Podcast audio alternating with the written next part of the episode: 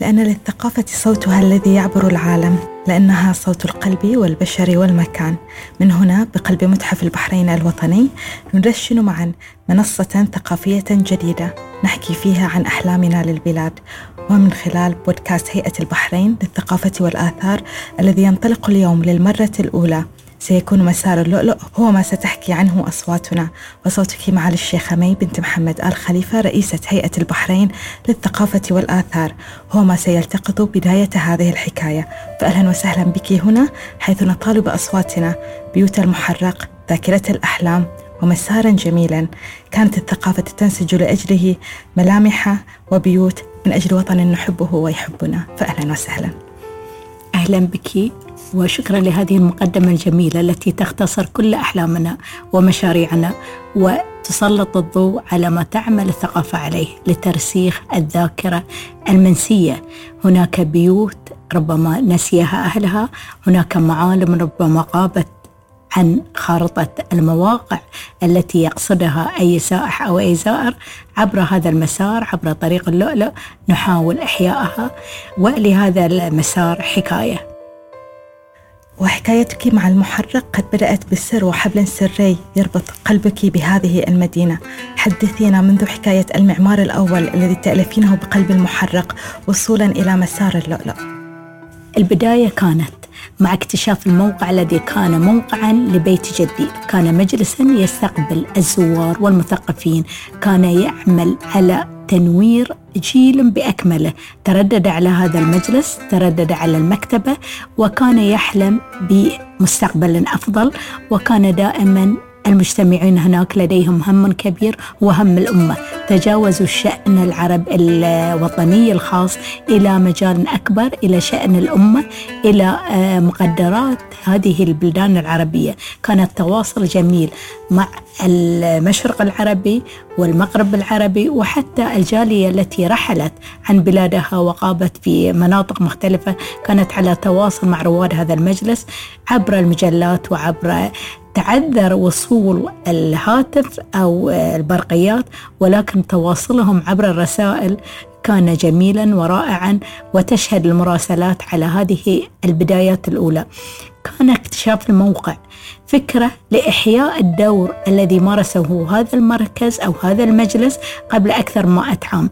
أن يعود له نشاطه الفكري أن تعود الحوارات والنقاشات والحلم الأكبر. تأسس المركز لهذا الغرض. لم أعلم أن المركز الأول سيقودني إلى بيت عبد الله الزاير تلميذه ومنه إلى بيت محمد بن فارس ويأخذني إلى المنامة حيث بيت الشاعر الكبير إبراهيم العريض. كل هذه البيوت تفرعت عن مركز الشيخ إبراهيم بلغ تعدادها 28 مشروعا. نحتفل في يناير المقبل 12 يناير 2022 بالعام العشرون لتأسيس المركز. مع ثمان مشاريع قادمة أتمنى أن نرى خمسة منها في المنامة واثنان في المحرق. وهذا الشغف وهذه الحكايات المتصلة بالبيوت قادتك أيضا من القطاع الأهلي وصولا إلى القطاع الرسمي من أجل مسار اللؤلؤ. هي عدوى المحبة والجمال التي انتقلت من البيت الأول بمركز الشيخ إبراهيم بن محمد إلى هذا المسار الذي هنالك حكاية والسر من خلفه. ربما الناس تعرف هذا المشروع بمعماره وساحاته وتفاصيله ولكن الحكاية التي خلف هذا المسار كيف حدثت وكيف كبرت؟ في البداية لابد أن نقول أن مركز الشيخ إبراهيم وحضوره الثقافي هو الذي قادني إلى المؤسسة الرسمية. لم أعمل سابقا في القطاع الحكومي. كانت تجربتي الأولى مع قطاع الثقافة والتراث الوطني وهي قصة يطول شرحها. حين نتحدث عن مشروع طريق اللؤلؤ كان هو الموقع الثاني الذي أدرج في قائمة التراث الإنساني العالمي. 2005 سجلنا موقع قلعة البحرين وفي 2006 كان هناك اجتماع في ليثوانيا للجنة التراث العالمي. من هناك انبثقت فكرة طريق اللؤلؤ. طريق اللؤلؤ كانت محاولة في البداية لإدراج المدينة في قائمة التراث الإنساني العالمي. للأسف كثير من معالمها أزيلت. ولم تعد لها الخصوصية التي كانت في السبعينات أو في الثمانينات مع الهدم قضى على كثير من المنازل. فكان لابد من إيجاد وسيلة لوضع هذه المدينة العريقة في قائمة تراث الإنسان العالمي. الفكرة بدأت من شيئين متلازمين. إدراج الموقع واستضافة لجنة التراث كنا نتحدث أننا قبل عام في دربن حين استضافت آه، لجنة التراث آه، هذا التجمع العالمي. كان التركيز على الحياكة المحلية وعلى آه، المنتوجات المحلية. فحين نستدعيهم من البحرين كان حلما عندي أن يزوروا البحرين وأن تنعقد لجنة التراث في هذا البلد الجميل تحقق ذلك قبل عامين. ولكن للحديث بقية. كيف نبرز أهم ما يميز هذا البلد؟ بالطبع لؤلؤها وهي لؤلؤة الخليج وعراقة هذا اللؤلؤ وتميزه كانت الفكرة أن نستخدم هذا اللؤلؤ في كل آه، منتج يقدم في اجتماع لجنة التراث. ثم جاءت الفكرة لماذا لا نخلق مسارا مثل مسار البيوت في مركز شيخ إبراهيم؟ آنذاك كان هناك عدد قليل من البيوت لا تتجاوز الأربعة ولكن هناك مشروع مكتمل في المخيلة لمسار متكامل لهذه البيوت وتحقيق هذا التكامل الذي أصبح وجهة لأي زائر البحرين. فكرة طريق اللؤلؤ. مع الدكتورة بريتا رودولف وهي مستشارة في قطاع الثقافة والتراث الوطني آنذاك. كنا نتحدث كنا وحدنا المشاركين في هذا الاجتماع آه العالمي الهام وكنا يوميا نبحث الوسيلة التي يتحقق بها إدراج مدينة المحرق فعن طريق اللؤلؤ وعن مسار اللؤلؤ وعن بيوت الأشخاص التي مارست هذه المهنة من بيت الغواص إلى بيت النوخذة إلى بداية بهيرات اللؤلؤ بداية بالتاريخ الطبيعي. هذا المسار كان فكرة تحققت بدراسة آه، استمرت أكثر من أربعة أعوام. ولا بد هنا أن أشكر جلالة الملك المفدى الذي كان أول داعم لهذا المشروع. الدراسة لم تكن لتتحقق لولا اجتماع المختصين بهذا الشأن. ليتكامل الملف الذي قدم للجنة اليونسكو. نجد شكرنا وخالص امتناننا لجلالة الملك المفدى فهو الداعم الأول لهذا المشروع. اكتملت القصة مع تقديم الملف وإدراجه في 2012 وجاء الدعم من آه، الصندوق الإسلامي للتنمية. آنذاك كانت هناك أزمة تعرضت لها المواقع السياحية في العالم أجمل العالم العربي وكانت هناك دعوة في آه، شرم الشيخ لترتيب لقاء مع مستثمرين من المؤسسات الوطنية التي تكرس جهدها لبنية تحتية لسياحة مستدامة. فجاءت الموافقة على دعم مشروع طريق اللؤلؤ لكنه لم يتحقق على أرض الواقع إلا حين أقر هذا القرض الميسر وتم العمل عليه في 2015 نتمنى أن يكتمل مع 2022 كل الساحات كل البيوت كل المراكز. لحد الآن توفر لدينا عدد من معالم طريق اللؤلؤ الساحات اكتملت. مراكز زوار الأول منها مع الموقع الذي يأخذنا من البحر لكي نصل إلى قلعة أبو ماهر ومنها ننطلق عبر جسر المشاة لنصل إلى الحالة. ومنها نصل إلى قلب المحرق مرورا بهذه البيوت التي تحكي الحكاية وتؤسس لبنية تحتية لسياحة ثقافية مستدامة، هي الهدف الذي نعمل عليه حين حققنا متحف قلعة البحرين أو العروض المتحفية في قلعة الرفاع أو سائر المشاريع الثقافية. الهدف هو أن تكون البحرين وجهة لسياحة ثقافية متميزة سواء عبر آثارها التي تعود لحقب تاريخية تمتد إلى أكثر من ستة آلاف عام أو عبر لؤلؤها المميز في العالم أجمع، لا نتحدث عن خليج ولا نتحدث عن منطقة معينة وإنما نتحدث عن حكاية اللؤلؤ ربما منذ قصدها قلقامش بحثا عن زهرة الخلود. بالتأكيد كل هذه الأحلام وهذه البيوت وهذه المشاريع ومعمارها الثقافي الجميل هنالك العديد من التحديات التي شهدها هذا المشروع العديد من الأحلام التي ربما كرست العديد من الأدوات الإبداعية والثقافية من أجل تحقيقها على أرض الواقع. ما هي أهم؟ هذه التحديات وكيف أبدع عقل الثقافة كي ينجو بحلم هذه المدينة؟ الوسيلة الوحيدة لكي ننجو ونواصل الحلم ونحقق كانت عبر اختراع أو ابتكار مشروع الاستثمار في الثقافة. تحت هذه المظلة استطعنا إقناع الخطأ القطاع الخاص بدعم المشاريع الثقافية التي تؤسس لبنية تحتية. لولا هذا المشروع لما استطعنا كما تعلمين في كل المؤسسات الثقافية في العالم العربي أو ربما في غيره. آه، ما عدا الدول المتحضرة التي تعتبر الثقافة هي آه، أساس التنمية المستدامة والوجهة السياحية الأولى حيث ترصد مبالغ هائلة لهذا القطاع الحيوي الهام. هنا كان الاستثمار في الثقافة وسيلة أنتج الكثير من المتاحف والمعالم ونعود ونكرر أن مسرح البحرين الوطني أحد المعالم الثقافية البارزة جاء بدعم جلالة الملك المفدى وهناك متحف مسجد الخاميس جاء بدعم صاحب السمو الملكي ولي العهد الأمير سلمان بن حمد. كل هذه المشاريع إلى جانب المشروع الأول النواة الأولى التي ارتكز عليها مشروع الاستثمار في الثقافة. نجد شكرنا أيضا لبنك أركبتا الداعم الأول لمتحف قلعة البحرين الذي أصبح معمارا مميزا بعروضه بموقعه بإضاءة القلعة بمن يقصده من الزوار من كل مكان في العالم. هو الوجهة الأولى في البحرين.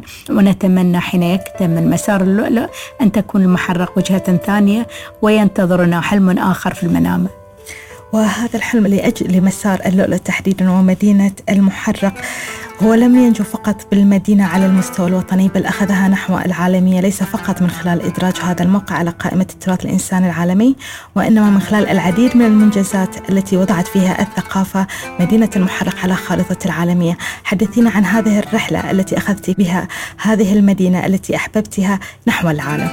في البداية كل من زار المركز من المحاضرين أنتقل إلى المؤسسة الأهلية التي استضافت أكثر من 500 اسم ليقدم لنا خلاصة تجاربهم سواء الفكرية أو الفنية. في كل اثنين هناك لقاء في هذا المركز. هؤلاء الأشخاص الذين جاءوا إلى المحرق أصبحوا هم الأداة الإعلامية الرئيسية التي تشيد بما تحقق في البحرين. عبر هذه المشاركات أذكر أن أحد الأصدقاء كان يقول أن البحرين بحجمها الجغرافي أصبحت بالثقافة مملكة مترامية الأطراف. هذه الثقافة هي التي نعول عليها لنبني ولكي لنصل إلى العالم بصورة مشرقة حقيقية صادقة. لا, لا تستعين بأدوات لا تشبهها. من الداخل نوظف كل معمار نوظف كل موهبة لكي تكون هي صوت البحرين. ربما آه، المنامة كانت سابقة عندما كانت عاصمة للثقافة العربية في العام 2012 ولكن أيضا مدينة المحرق حصلت جائزة الآغا خان أدرجت على شبكة المدن الإبداعية لليونسكو. وكذلك كانت عاصمة للثقافة الإسلامية نعم. في العام 2018 حدثينا عن الحكايات الصغيرة خلف كل منجز من هذه المنجزات أيضا. لو تكلمنا عن عاصمة الثقافة الإسلامية هناك شيئين مميزين تحققوا. لن نتحدث عن مركز سوار الذي أصبح علامة معمارية مهمة تحت الصفحات المجلات المعنية بالهندسة ويشيد بها كبار المهندسين. أتكلم أيضا عن يوم الفن الإسلامي الذي انبثق من هذه العاصمة وكرس يوما للاحتفال بالفنون الإسلامية. تقدمت البحرين في العام الذي كانت فيه عاصمة للثقافة الإسلامية إلى منظمة اليونسكو لكي نقر يوما للفن الإسلامي بالمعمار بكل ما يميز هذا الفنون بالخطوط بكل ما تحويه كلمة فن من تفرعات. تكرس هذا اليوم للمحرق هذا الفضل في تكريسه. نعود ونقول عن آه، جائزة الأغا خان. جائزة الأغا خان. هذه الجائزة تحققت لمشروعين. مشروع طريق اللؤلؤ ومشروع مركز الشيخ إبراهيم. وكما ترين المشروعين يتقاطعان. الفكرة واحدة الارتقاء بالأحياء. وتوظيفها. التوظيف الصحيح لتكون وجهة وأيضا لكي يعود إليها أهلها من هجروها. يعود إليها لممارسات ثقافية أو للمشاركة في أنشطة أو للسكن مجددا. الهدف الأول أن نعود بالأهالي إلى مناطقهم. وفي محيط المركز في الحي الذي آه، يقع فيه مركز شيخ إبراهيم استطعنا إقناع أسرتين بالبقاء في منازلهم. عبر ترميمها وتوظيفها بالشكل الصحيح لكي تكون لائقة بسكن حديث آه، له الطابع المعماري المميز البحريني ولكنه في الوقت ذاته يكمل الالتزامات أو المطالب التي تتطلبها يعني ظروفنا الحالية سواء من جانب التكييف أو بعض الأمور إلى جانب ذلك المواقف التي يشكو منها سكان المحرق هناك في مشروع طريق اللؤلؤ أربع مواقف تستوعب أكثر من ألف سيارة. هذا العدد الكبير من آه، الأرقام الذي تحتاجه المحرق لكي تخفف من الضغط الواقع على هذه المدينة الأصيلة العريقة وأيضا لكي نمرر رسالة بإمكانكم أن تصلوا إلى بيوتكم بخطوات قصيرة ليس من المطلوب أن تكون كل سيارة قريبة من المنزل وإنما آه، تصل إليه عبر ساحات جميلة عبر مناظر تقري بالمشي ولو لدقائق معدودة. أفكار جديدة تطرح للأهالي يستوعبونها ويتمسكون بها وأصبحوا من الداعمين لاستمراريتها. والجميل أيضا أن هذا المشروع يتضمن استعادة سوق القيصرية الذي يشكل ليس فقط وجهة اقتصادية وإنما أيضا وجهة اجتماعية لهؤلاء الناس الذين يعيشون التجربة مرة أخرى. نحن عندما نتحدث أيضا عن دور مسار اللؤلؤ في الاعتناء بالعمران الثقافي كما ذكرتي أيضا هو يعتني بسيرة الناس في داخل هذا المكان ونتحدث عن تنشيط الصناعات المحلية التي ترتبط أيضا بمسار اللؤلؤ. إذا تحدثنا عن أثر العمارة وما هو الأثر على هوية الناس وهذا التمسك وانعكاس ذلك على تنشيط الصناعات المحلية وكذلك السياحة الثقافية في المنطقة. بالطبع الأسواق وجهة. والأسواق التي لها طابع ولها أصالة. أتذكر جهادنا قبل أكثر من سنوات. كانت هناك فكرة لدى بعض المسؤولين بمحو السوق وإعادة بناءه على شكل مجمع تجاري. بالطبع هذا يعني خلل كبير. عمر السوق أكثر من 200 عام وهناك كثير من التنقيبات تبين الحقب التي مرت بها هذه المدينة. ليست فقط المواقع الأثرية من حظى بهذا التنقيب وبهذه الحقب الأثرية القديمة ولكن هذه المدينة الإسلامية أيضا لها ما يميزها. لذلك كان المحافظة على هذا السوق وإعادة إحيائه بترميم المباني القديمة وإضافة الحداثة لبعض المتاجر التي لها خصوصية والتي استقطبت عدد من المصممين المحليين ومن نفخر بهم من يحملون فكرة تطوير الصناعة المحلية. عبر مشروع صنع في البحرين تجدين في مركز الجسرة أو في مصنع النسيج أو في أسواق المنامة. كل ما أنتج في فترة بسيطة حين استلمنا هذه الإدارة وطورنا المنتج المحلي لكي يحمل عنوان صنع في البحرين بأيدي بحرينية ولكن بشكل يتماشى مع الحاجات الأساسية عبر التقليف وعبر التطوير وعبر ما نحتاجه. دائما هناك نظرية أو مقولة تقول أن أي نظرية لا تتطور تموت. لذلك في الصناعات أو في بعض المنتج لابد أن يكون هناك التطوير لكي يأتي بالنتيجة المرجوة. تقولين أيضا أن بلاد لا حضارة فيها ليس لها في السياحة نصيب طبعا. كيف تترجم مدينة المحرق عموما ومسار اللؤلؤ تحديدا هذه الرؤية ودور هذا المسار في تأسيس هذه البنية التحتية الثقافية؟ كيف ترينها للمستقبل؟ الجاذب الأول لأي سائح أو لأي زائر هو هوية البلدان. دون الهوية دون الخصوصية لن يكون هناك سبيل لاستقطاب سياحة ثقافية نوعية. الاستثمار في السياحة الثقافية هو ما نصب إليه وما نرى نتائج ما قمنا بمقام فريق كامل. فريق كامل يعمل على هذا المنتج الجديد المتطور لكي يكون وجهة لكل سائح ولكل مواطن. لدينا كانت حملة كبيرة للمواطن قبل الزائر أن يتعرف على مواقع بلدانه أن يزور مواقعها الأثرية أن يتذوق مذاق منتوجاتها أو مأكولاتها أو مصنوعاتها. كل هذه الأمور آه، تخدم الزائر والمواطن وأيضا تحمل اسم بلد له من العراقة ما يستحق أن نروج له. إذا هذه المدينة أنا لا أريد أن أقول الآن نحن وصلنا إلى ختام الحديث لأنه ليس للمحبة من نهاية كما نعرف. ولكن الآن مسار اللؤلؤ يوشك على استكمال ملامحه قريبا. ماذا تريدين أن تقولي للبلاد ولأبناء البلاد عن تجربة المحرق؟ وما هو الدرس العميق الذي يجب أن نبقى نتذكره جميعا من هذه التجربة والذي بالإمكان أن يكون ملهما ونموذجا للمدن التاريخية الأخرى؟ هي كلمة واحدة. دائما أرددها وأؤمن بها. لا توجد بلاد متخلفة وإنما بلاد تخلف أبنائها عن حبها ولا نتخلف عن محبة البحرين. بكل تأكيد. كل المحبة معالي الشيخ مي وعميق الشكر لهذا اللقاء الجميل لكل المساعي التي تؤمن بهذا الحلم وتصدقه. فننجز لأجل البلاد. أعزائي المستمعين إلى هنا نكون قد منحنا الأصوات الأولى لبودكاست هيئة البحرين للثقافة والآثار. وتحديدا لمسار اللؤلؤ الذي نكرس عامنا الثقافي لأجله والذي سيواصل في تلويحه بالحكاية والسيرة في الأربعاء الأول من كل شهر لهذا العام. نتواصل معكم الشهر المقبل لأننا نؤمن أن الصوت فعل ثقافي مضاد للمسافة والوقت. شكرا. شكرا لك.